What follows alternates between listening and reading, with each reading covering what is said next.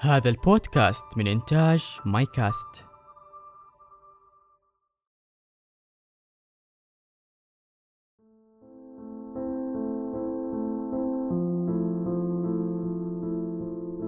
مرحبا أنا عامر وهذا بودكاست جرعة أمل.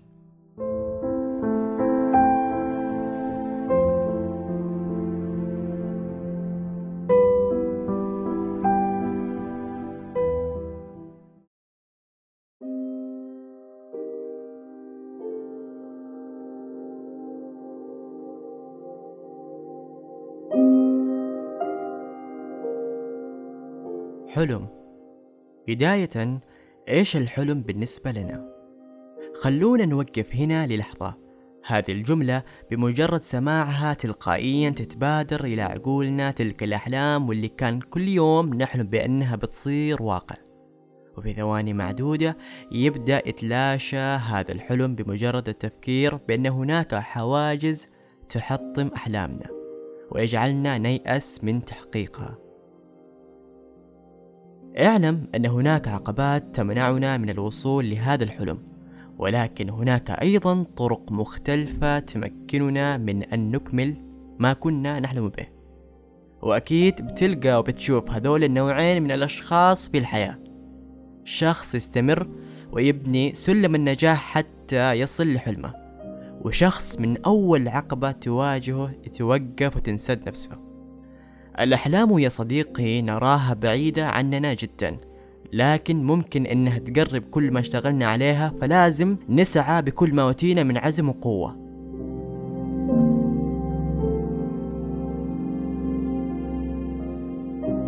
إلى كل شخص أحبطته العقبات أمام عينيك ترى أشخاص وأجيال مستمرة في تحقيق طموحاتها وأنت واقف تنظر لهم بخيبة أمل. يا صديقي لم يفت الأوان بعد. توكل على الله واسعى لتحقيق حلمك. السلام عليكم ورحمة الله وبركاته. There we go. طيب. بدأت القصة. أو اسمي دقيقة. اسمي أمال. أدرس هندسة معمارية في جامعة دار الحكمة. وأقول لكم قصتي فين بدأت. بدأت سنة 2006 في نادي كانت ماما غصب غصبتني أدخله غالبا. وزعوا علينا ورق. قالوا لنا اكتبوا إيش تبغوا تصيروا اسمكم مسكت الورقة مسكت الألوان بدأت أكتب لستة الأشياء اللي أبغى أصيرها. دكتورة عيون مصممة أزياء طباخة رسامة ما أتذكر الباقي بس كان المجموع ثلاثة سطور. خلصت شلت اللصقة وحطيت ورقتي. طلعت يمين ويسار لقيت إنه كل الأطفال كاتبين شيء واحد. طلعت في ورقتي شلتها قبل ما أحد يشوف. بدأت أشطب الأشياء اللي حسيت إنه ما لها داعي. وبرضه كان باقي شيئين مو شيء واحد. بس من يومها حسيت إنه في شيء عندي أنا غلط. ليش أنا ما حطيت شيء واحد بس؟ وبدأت شوية شوية أستوعب إنه غير إنه تختاري تخصص واحد في قوانين محطوطة ما أعرف مين حطها بس لازم نمشي عليها عشان نعيش حياتنا صح أو بالطريقة اللي المفروض نعيشها. زي مثلا وعمرك عشرة توقفي ترسم مع الجدار وعمرك 13 تدخلي في العمر الكئيب المستفز اللي ولا أحد يفهمك. 17 تبدأي تفكري في إيش تبغي تصيري على حسب اللي يحتاجه سوق العمل طبعا. بعدين ويعني لستة قوانين ما لها دخل في العمر ولا لها دخل في العمر بس مين اللي حطها؟ ناس زينا. اتوارثوها قالوها البعض إلى ما وصلت عندنا إحنا. وصدقناها من غير ما نسوي فلتر. ليش أنا لازم أمشي على هذا القانون؟ هل هو ينطبق علي ولا لا؟ بدأت يعني تدخل بالي الفكرة إلى ما دخلت ثانوي. وبدأت أستوعب إنه خلاص لا لا من جد اختار شيء واحد ركز على شيء واحد. عندك هوايات مرة كثير خليها كلها هواياتك. صحباتي اللي في المدرسة يفتكروا. أول السنة دخلت وأنا خلاص حدخل طب يا جماعة يعني في option ثاني. بعدين نص السنة قلت آه pharmacy قريب صيدلة. بعدين قلت طب سايكولوجي بس لا مو سايكولوجي عادي clinical psychology قبل ما تبدأ قبل ما تخلص الدراسة بأسبوع كان عندنا رحلة على دار الحكمة. غياباتي كانت مرة كثير. ما كان يسمح لي الوضع إني أغيب. فغصبا عني رحت الرحلة. رجعت أتذكر اليوم زي كأنه أمس. عديت على ماما من الشغل قالت لي ها كيف؟ يعني حرام رحتي على الفاضي يعني وتعبتي نفسك. قلت لها ماما أبغى أدخل هندسة معمارية. طبعا ماما متعودة على الأفكار اللي تجي فجأة لدرجة إنه أحيانا صرت أقول لها فكرة تقول لي طب بعد الاختبارات نتكلم الله يخليكي. بس طبعا تعودت سمعت الفكرة وسجلت في دار الحكمة ودخلت هندسة معمارية. القرار صدم الناس ليش؟ نرجع ثلاثة شهور ورا وقت ما كان عندي مشروع التخرج في المدرسة. قلت كنت في فترتها اللي خلاص حدخل سيكولوجي بس لسه كان في شيء حلم إني أكون فنانة من أنا صغيرة لسه ما راح ما راح بعيد. فحاولت أربط بين سيكولوجي وبين الفن. جلست أفكر كنت أحسب إنه أنا حخترع شيء جديد اسمه art therapy مو art healing art therapy هذا الشيء أنا حخترعه خلاص. كتبت في جوجل عشان أتأكد يعني إنه ما حد طلع بالفكرة قبلي. طلعوا درسوه masters في أغلب جامعات العالم. بعدين قلت بما إنه شيء درس masters وشيء يعني عندنا هنا ما شاء الله درسوه وتعبوا فيه خليني أشوف شيء مجاله شوية أصغر.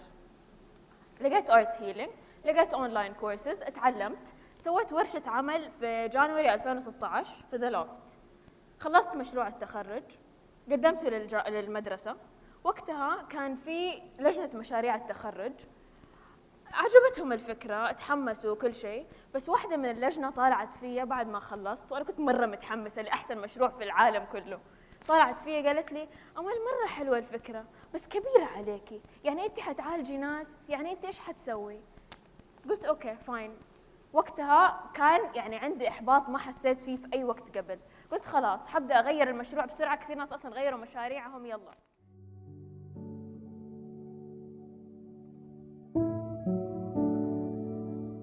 كل اللي حققوا أحلامهم واجهتهم عقبات كثيرة جدا وتعرضوا للانتقاد والسخرية. هل التفتوا للمشتتات هذه؟ طبعا لا. وضعوا كل المشتتات هذه خلفهم وكملوا طريقهم لبناء حلمهم. وهذه من أسباب نجاحهم في تحقيق أحلامهم. ومنهم من حقق حلمه وهو صغير. ومنهم من حقق حلمه وهو شاب في الأربعين. فليس لتحقيق حلمك عمر محدد. في الغالب عجزنا وكسلنا هم اللي يوقفونا بمجرد ما نفكر إنه طريق حلمنا طويل أو متعب. كلنا نبغى نعيش الشعور بلذة النجاح والإنجاز بعد التعب. شعور عظيم فعلا. أعيد وأكرر بطريقة أخرى تحقيق أحلامنا ما راح يجي من تلقاء نفسه. رحلتنا راح تكون طويلة وشاقة تختلف أحلامنا عن أحلام غيرنا. لكن الطريق واحد ما في طريق مختصر علشان نوصل لحلمنا. خلونا نفكر بعيد شوية. بعد ما تحقق حلمك ثق تماما إنك حتكون راضي عن نفسك أتم الرضا وثقتك بنفسك راح تزيد وتحقيق حلمك راح يفتح لك أبواب لأحلام جديدة. وفوق هذا كله سقف طموحاتك يكون في ارتفاع مستمر ونظرتك للحياة بتتغير. راح تحب حياتك أكثر وتكون عارف طريق تحقيق الأحلام ما راح يوقفك شيء ابدا. وراح تشوفوا إن حلمكم يستحق كل هذا العناء. لا شيء يضاهي لذة تحقيق حلمنا الأول. فقط لا تستسلموا. وإن فشلنا فنحاول لأننا لن ننجح من أول محاولة لنا.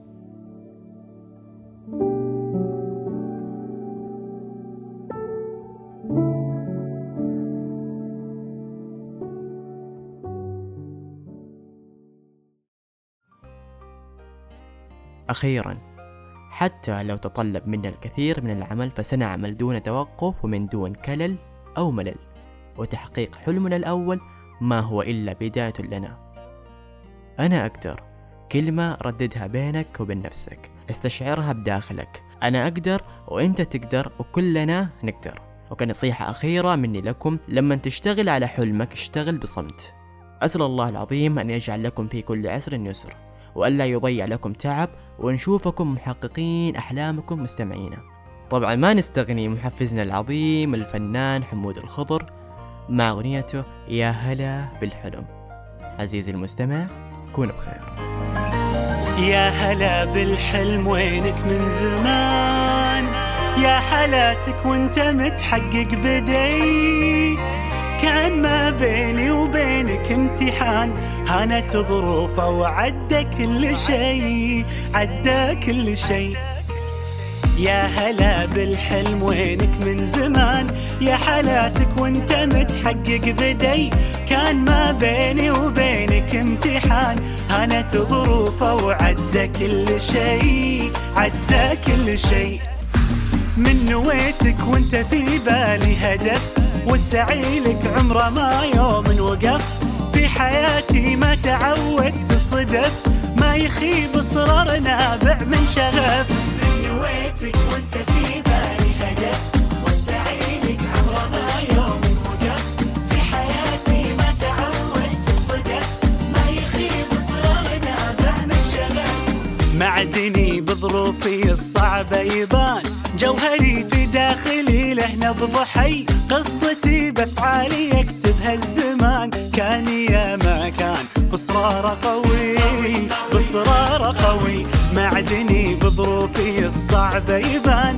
جوهري في داخلي له نبض حي قصتي بأفعالي يكتبها الزمان. كان يا ما كان بصرار قوي بصرار قوي. هذا البودكاست من إنتاج ماي كاست